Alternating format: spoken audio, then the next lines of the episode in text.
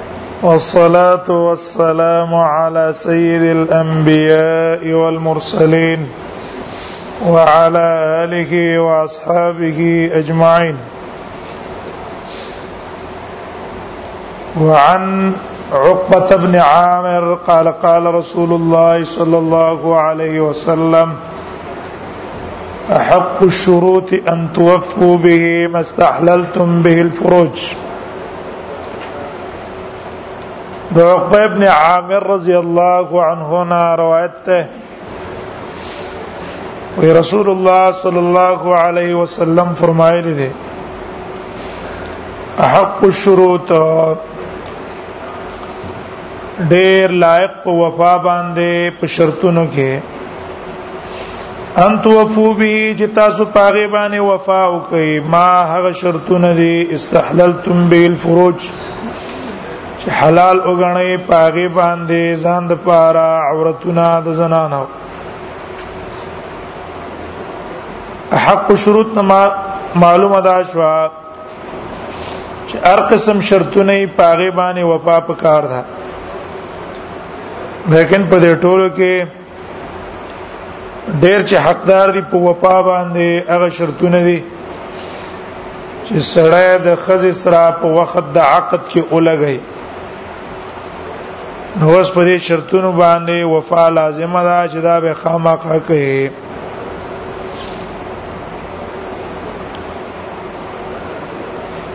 د عقد کې سره شرط لګی د دې شروط څه حیثیت ته آیا وفا په دې لازم ده کنه ده نو شرطونه اول کې په دوه قسمه دي یو هغه شروط دي چې هغه تقاضا کوي عقد د نکاح تګه دا شرط ولګي او کوي نه لګي خپل د عقد د نکاح د هغه تقاضا کوي دا یو قسم شروط شو لکه دا غي مثال له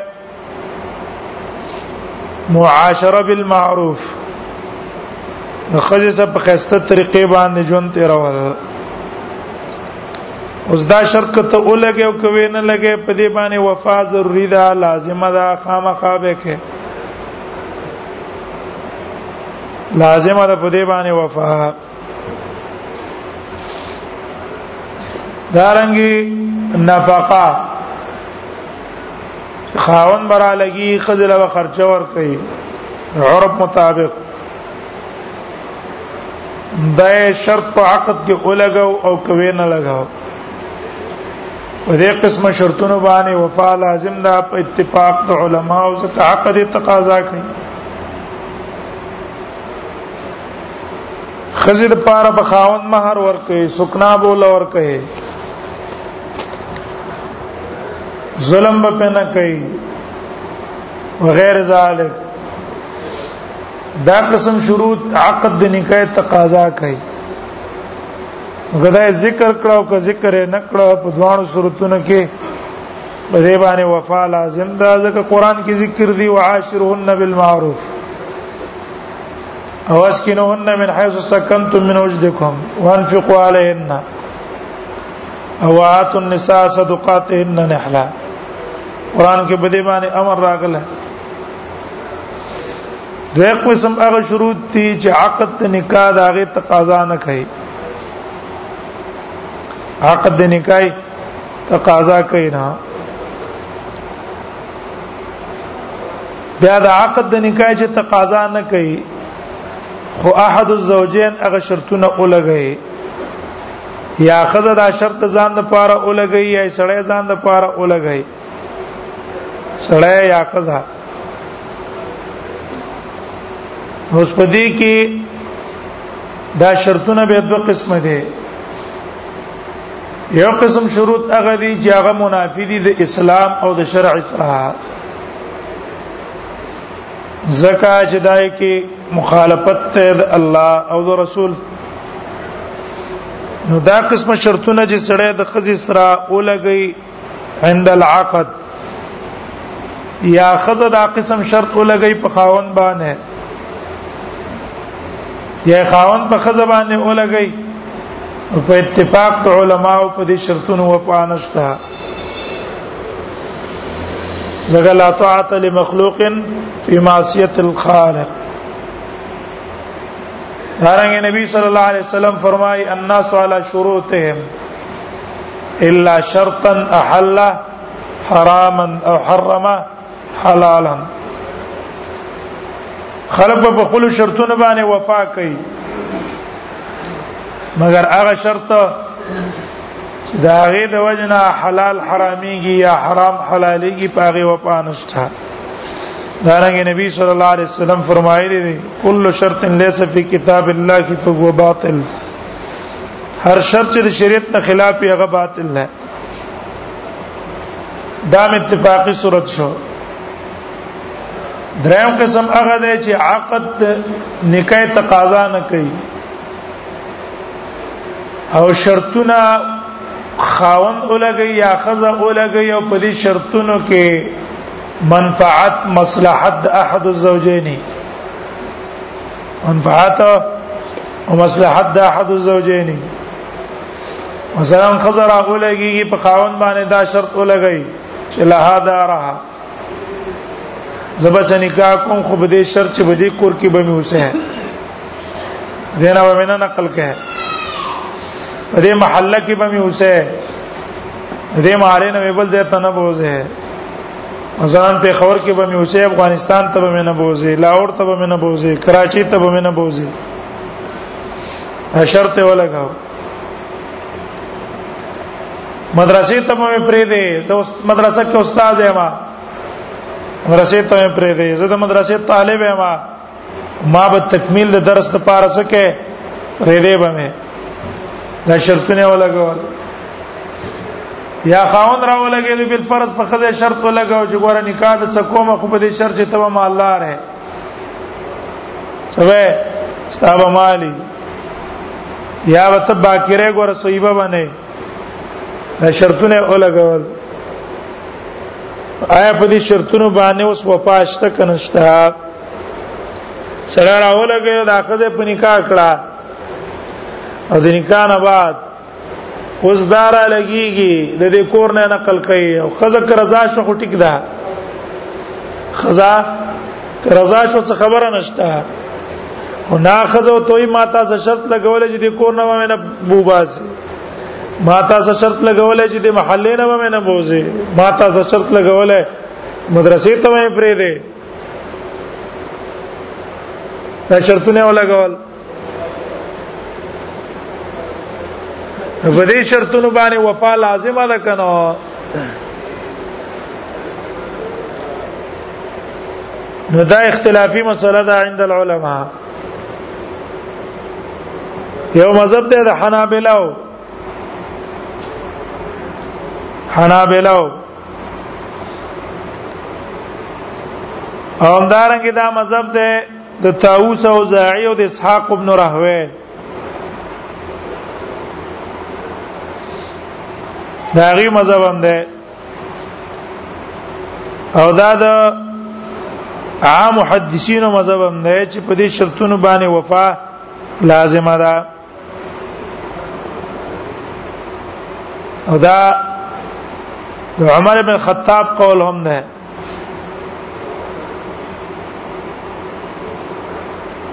دیوی په دې شرطونو باندې وفا ځکه لازمه ده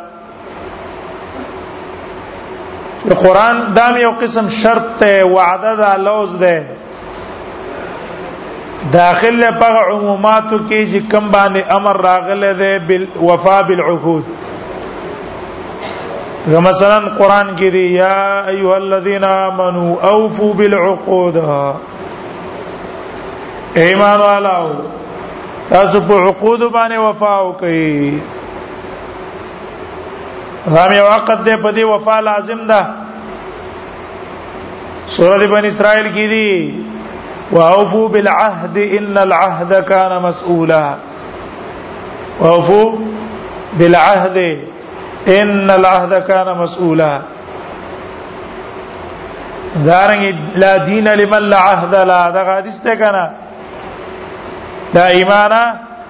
لمن لا امانه لا ولا دين لمن لا عهد لا او نبی صلی الله علیه وسلم فرمایلی دی الناس علی شروطهم الناس علی شروطهم خلق باندې شرطونه وفا لازم نه چې پاغي باندې به وفا کوي دا حدیث په دلیل شو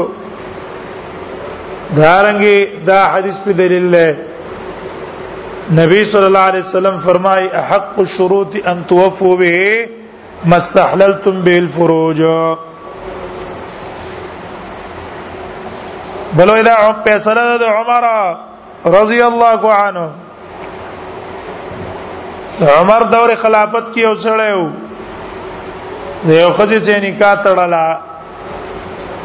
خځه په دا شرط کړو چې ما به د مدینې نه نو باسه زبم دې مدینه کې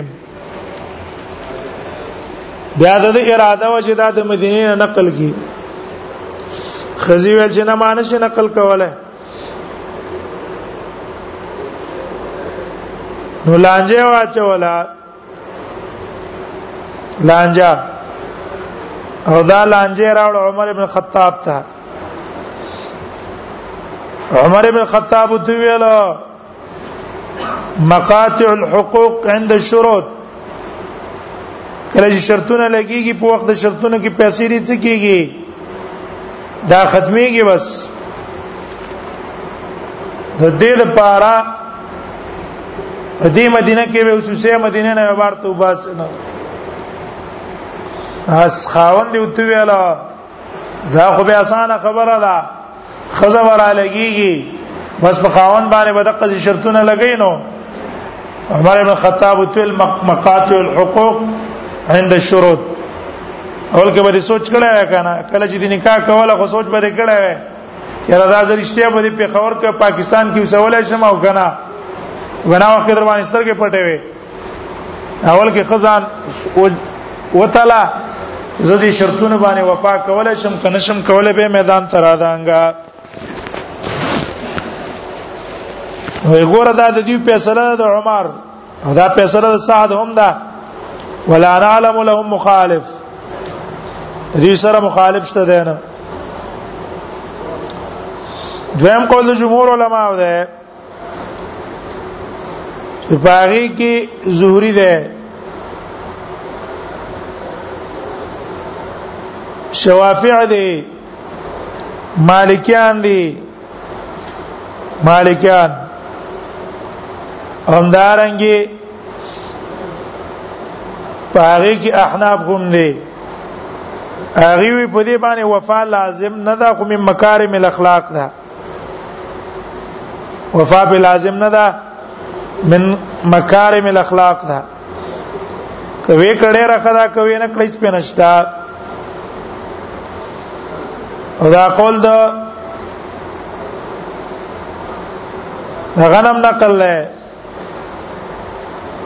د قتاده نه او د هشام نه عروه نه او ابن المنذر نه دې په دې شرطونو ځکه وپانشتا چې نبی صلی الله علیه وسلم فرمایي کل شرط ليس فی کتاب الله فهو باطل دا ابن حزم رایم دا وکل شرط ليس فی کتاب الله فهو باطل وان كان 100 شرط هر شرط چې د الله په کتاب کې نه هغه باطل لګر کسل شرطونه ومي وې دا شرط الله په کتاب کې شته ده نه او عقد تقاضا کیم نه عقد د نکاح تقاضا هم نه کوي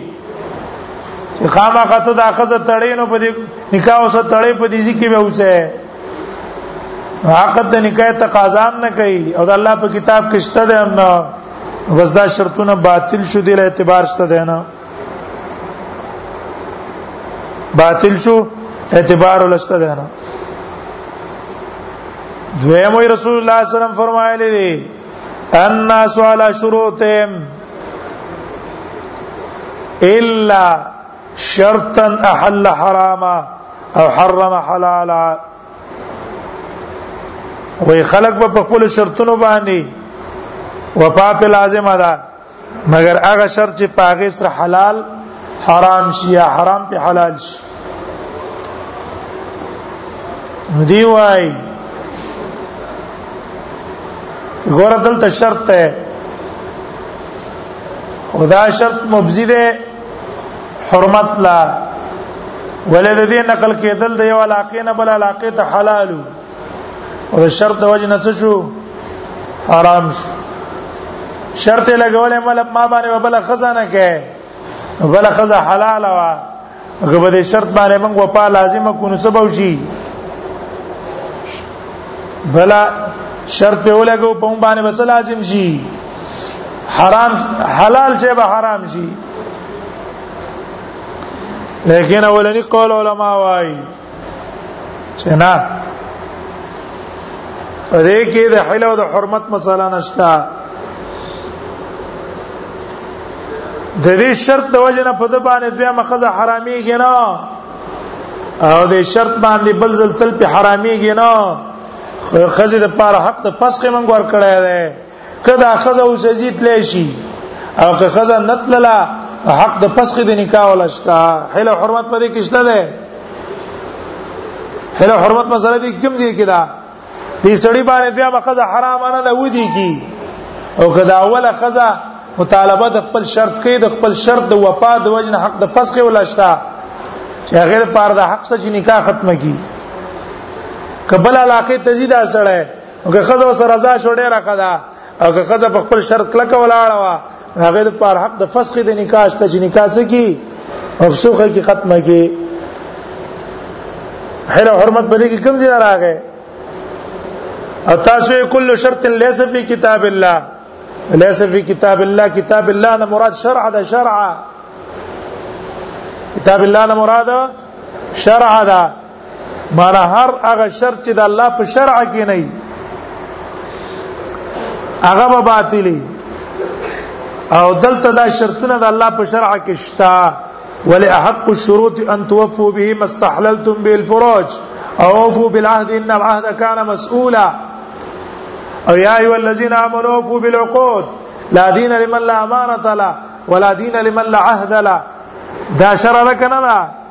دام داغي او نوع دا ليس في كتاب الله معنا صدا ليس في شرع الله چې الله په شریعت کې نه وي هغه باندې وفا لازم ده او دا قول څه ده دا قول راجح ده دیو جن کلم چې سړی نکاح تړي شرطونه ته دی وګوري سخر په شرط لګای یا خزه په شرط لګای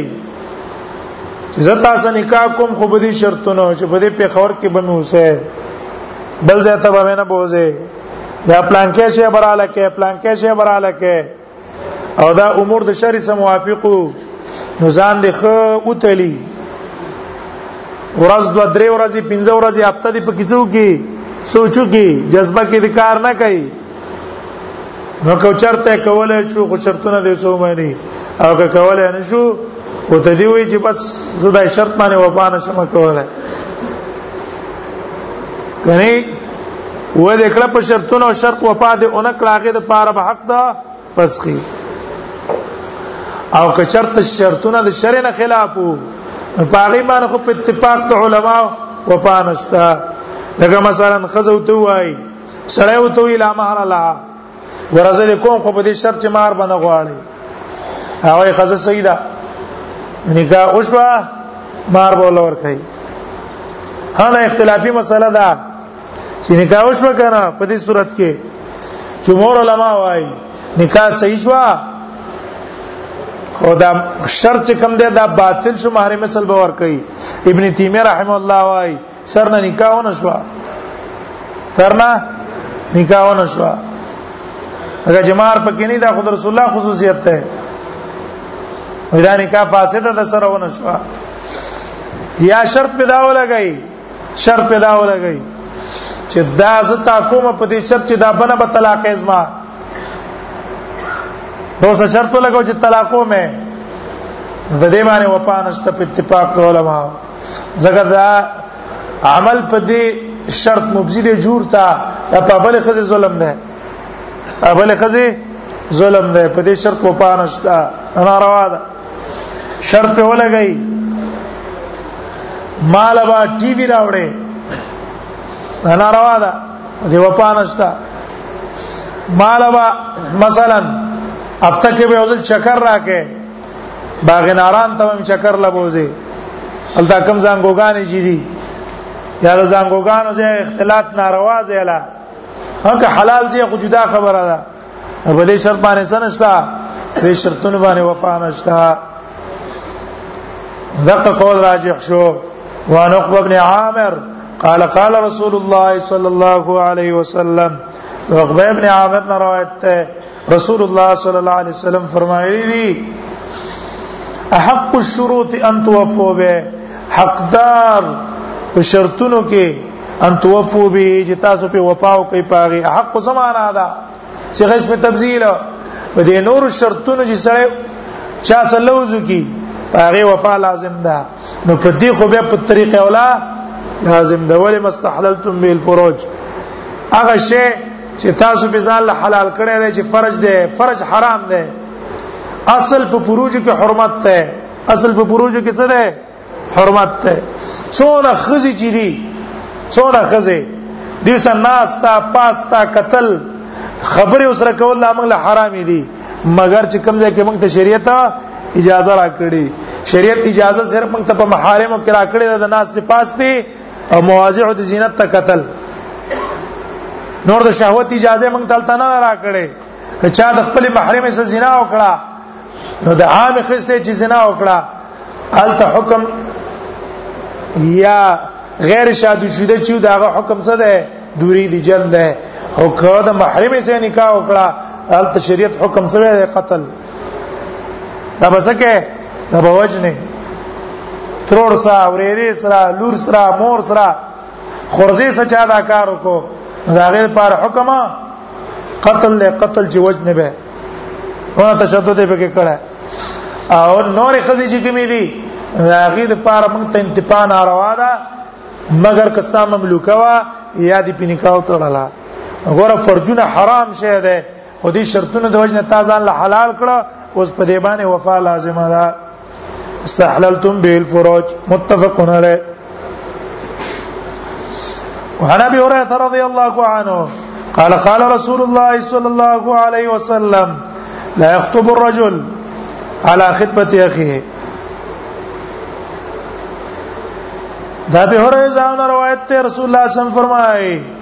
لا يخطب الرجل على خطبه اخيه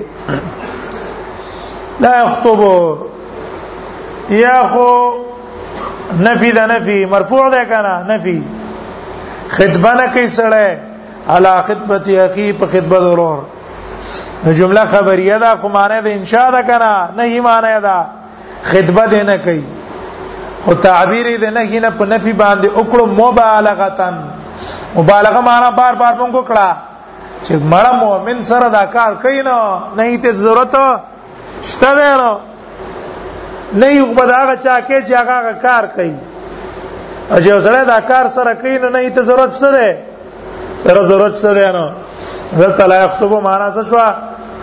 په معنا د نفي خطبه نه کوي سړی خو معنا د نهي د خطبه دی نه کوي دویم احتمال لا ده چې دا لا نه کیه دا او یخطب به مجزوم به لا یخطب خطبه دی نه کوي سړی علا خطبه اخی په خطبه ضرور یو خطبه ده خطبه خطبه مونږ ویلو چې هغه حمد او صلات ویلې او تکلم دی عند العقد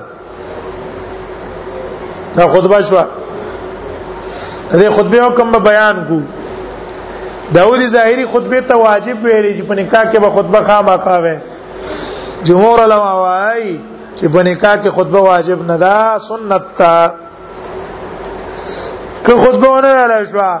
او په خیر د خطبه نه حق ایجاب او قبول وشو د نکاح وشو دویم قول ها دویم خطبه ده خطبه ویل کی مطالبه ته د یو خزي مطالبه کول د واده چیرې دې سنکاو کما نبی سم فرمایي لا یخطب خدمت نه کوي سړی علا خدمت یخی په خدمت ورور حتا ينكح او يترك تر دې چې دقه الک سره نکاح کی بس خبره ختمه شوه او يترك یا غیر اولګي دا خزه بریدي چې زین ورانه کوما پس دا غنه به د مطالبه کولای شي وجه اصل کې دا ده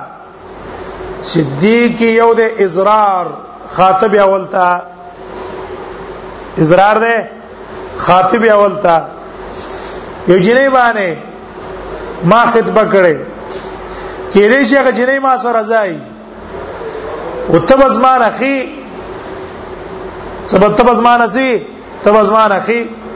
چې تا په خطبه وکړي سما به پری دي او تاسو سره بچو کی تاسو به نکاح ټاټیکلو جنگي دا ګوره ما ته zarar شو کنه شو هغه ما سره رضا وا ما سره څوا رضا وا او چې ته په پاس اورلې ما ته zarar راکو دې کې زرار ده بالخاطب الاول او لا ضرر ولا ضرر فی الاسلام چاته ضرر رسول په اسلام کې نشتا دویم دا سبب ته د پاره د عداوت سبب ده د پاره د عداوت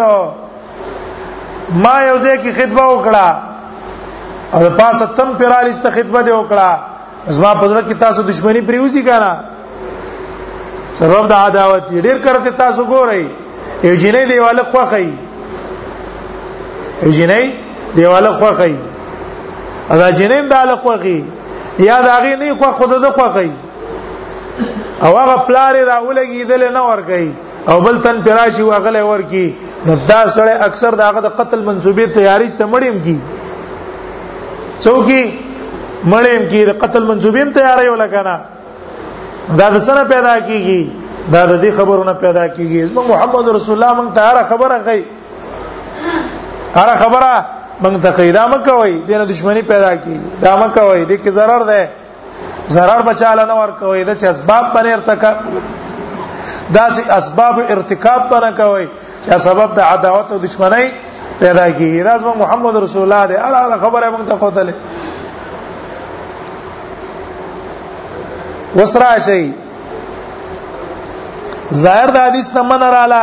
لا يخطب الرجل على خطبته اخي خطبه په خطبه نه کې به خطبه درې صورتونه دي یو صورت اتفاقا ناروا یو صورت اتفاقا حرام او یو صورت کې اختلاف یو صورت نو د خطبه خطبه دا ده یو سړی دی یو جنې باندې خطبه وکړه خطبه وکړه او هغه جنې را ولګېدله بالکل دغه په خطبه باندې جنې رضا شو یا جنې ولی هغه رضا شو رضا شو عقد لا تړل نه ده خو رضا وشوا صراحتا څنګه وته وای هغه وته وای چې یاره موږ ستابانه خوشاله یو موږ ستانه خوشاله یو او بس بالکل ټیک دستانه بل بل موږ ته خنخ کاری او تعالی زدر کومه ولا عقد تړل شوی نه اوس د دې د پاسه بل یو تن را لګي خطبه پې کوي دا خطبه په اتفاق د علما حرام ده لا يخطب على خطبه اخي حرام ده په اتفاق د علما خو کدی دیم سړی وکړه خطبه او اقولی را اولګي د دله په نکاح باندې ورکړه آیا د د نکاح صحیح شو که صحیح نشو اختلاف صرف په دې کې ده خبره پوي شوي کار دې ناروا حرام ده ولیکن که چا وکړه خطبه صحیح شو کنه شو جمهور علما مذهب دا ده جمهور علما شوافع احناف د دې مذهب دا ده چې نکاح څه شو دا وشو زکه دا اول څه عقد شوی نه ده صرف رضا معلومه شوی عقد شوی نه ده دا بل په ورغه بس ناروا یو کړه خو نکاح یې شو دویم قول د داوودی ظاهری ده داوود ظاهری وای دا نکاح فاسده ده صحیح نه ده نکاح باطله ده صحیح نه ده فاسده ده او دا به فسخ کېدې شي ختمه ده دا شوی نه ده ځکه حدیث کې منه راغلی ده منه لا یختبو علی خدمت اخی خدمت په خدمت ضرور باندې نه کوي حدیث کې من راغلی دریم قول امام مالک دی امام مالک وایي چې چرتا د دویم کسر دخول کړو بس نکاح صحیح شو او کاول سره دخول نو کړه نو بیا نکاح په فسخ کیږي قبل الدخول نکاح فسخ ده بعد الدخول نکاح پات ده دا اول صورت شو دویم صورت ته ده چې یو سړی خطبه وکي خطبه لیکن دا غي د طرف نه هیڅ آثار د رضا او ته نه ښکار شوی آثار د رضا اخکار شوی نه دي چې یاره مونږ ته ناراضي یا ستاد نکاح مونږ خوخه ده هیڅ دانشتا دانشتا یا بالکل خطبه ولا ختمه کی ټولو کی خطبه ولا بالکل ختمه کی یاره بس نه در کومه نو په دې صورت کې خطبه علی الخطبه جائز ده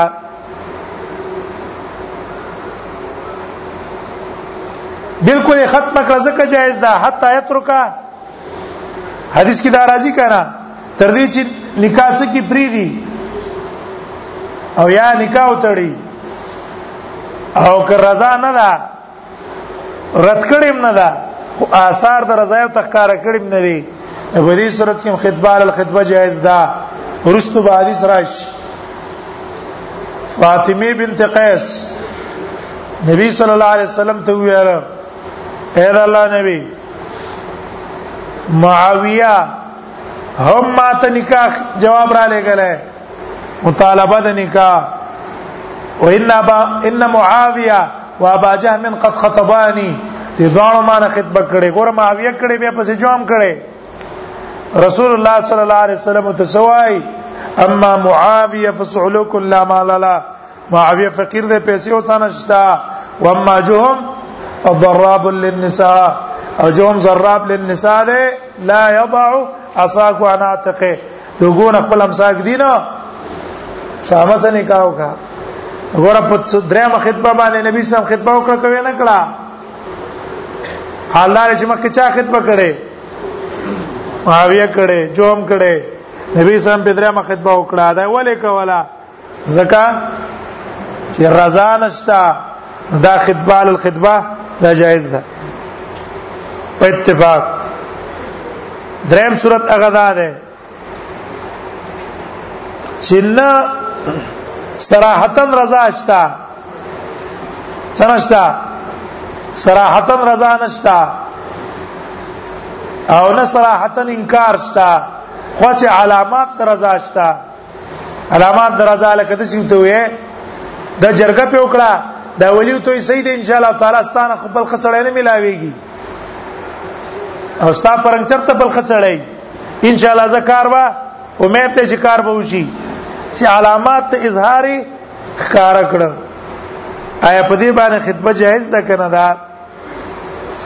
اکثر علما دا پاول صورت کې داخل کړه چې څه باندې کې جرګه خطبه په دې صورت کې هم نه کې او کوله کړه دا خطبه علی خطبه الغیر شوا دا خطبه علی خطبه الغیر رااله دې صورت کې هم خطبه نه کې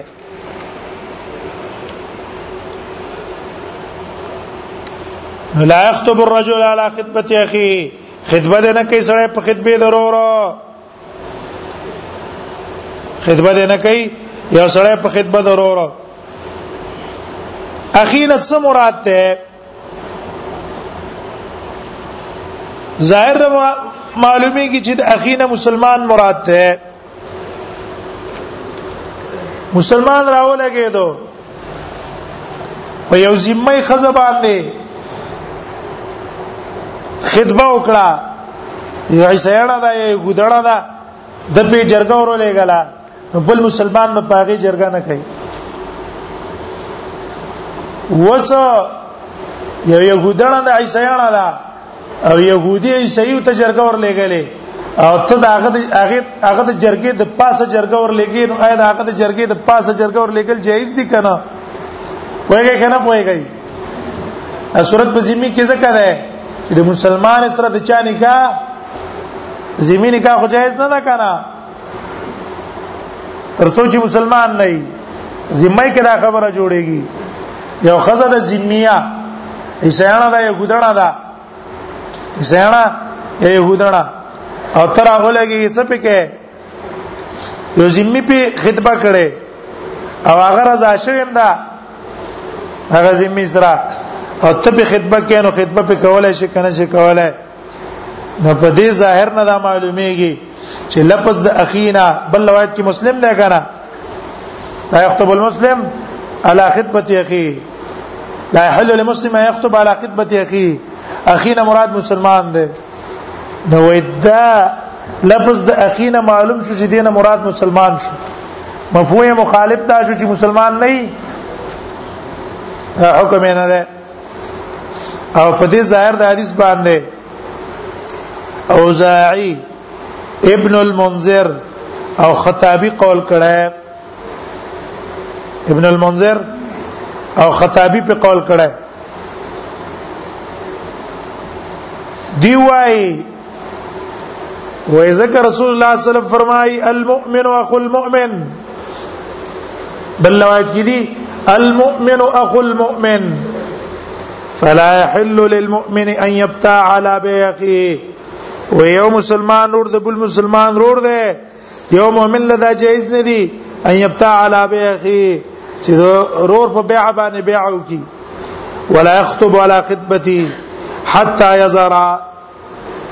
اذل د مسلمان په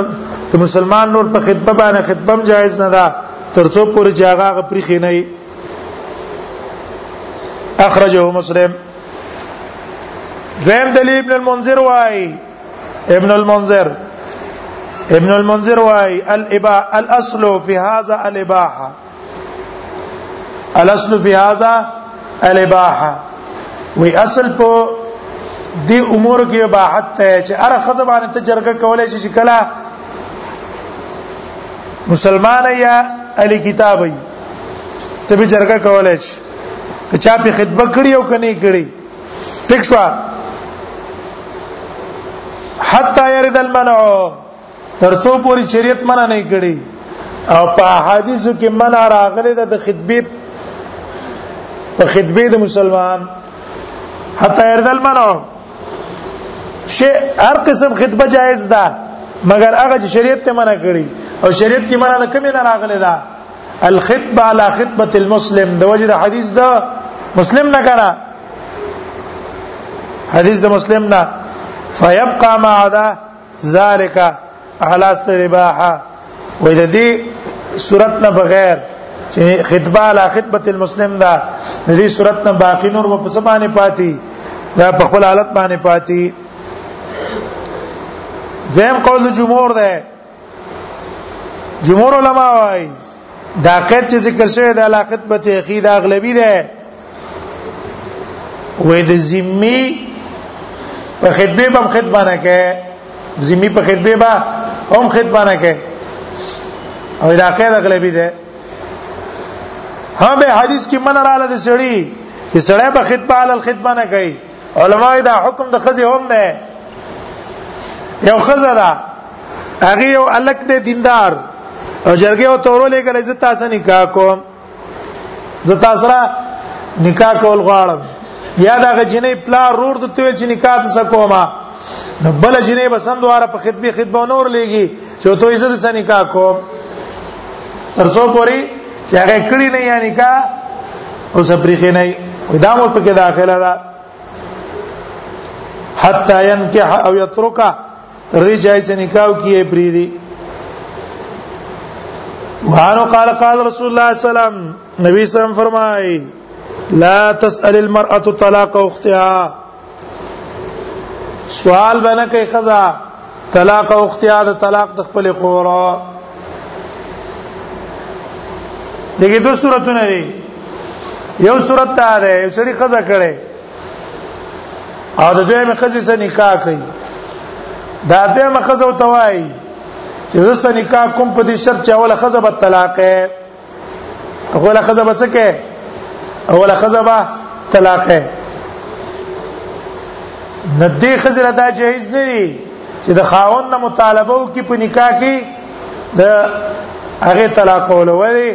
دیو جن نبی سلام دې خزنه تعبیر په خور وکړو دې خزې ته بدبخت ده خوستا خور ده ته اوس پر نکاح ټاټیکل داګه سره جنگه او داګه ژوندۍ خرابه ده دا سړی توپ ده دا سړی توپ ده خپل ځان برابره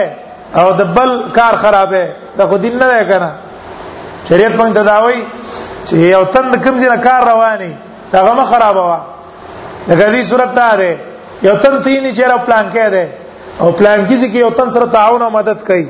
او دا غو پلان روان ده ته په سیمه ورته چې داغه بدیو ته جمال ته مکه و مال راکا ته ولې کې اسلام دی دا پرې نشي هغه سره لګې دی الله نه بل جن غواړي چې یا الله مال ته د بل جن اسباب تیار کا مال بل جن اسباب مهیا کا امکه وې دا تا غورانه کوم مسلمان رور دی هغه ته zarar رسه هغه ته تکلیف رسه اوله کې وې دا مکوا طلاق اختها لتستغرب لتستفرغ صحفتها دیر پاره داغه کاسه ځان ته پاره کی زمانہ چې نه غلری شي مال به خرچه او پیسې هم ډیر راځي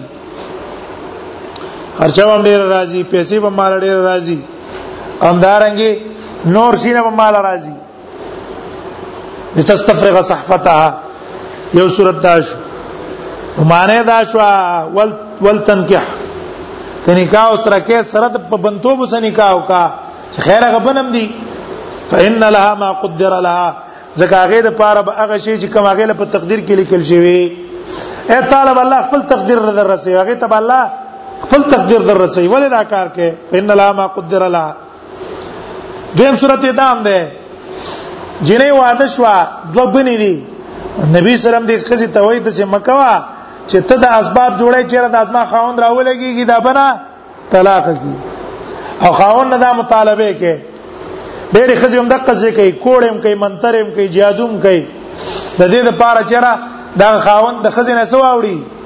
زړې واوړي ستلری کی او ځان طرف ته وکي دا مکوا ولې دا کار کوي هغه انسان ده الله الله دا غیم رب ته استام رب ده هغه سره لري تم سره لري هم خپه کیږي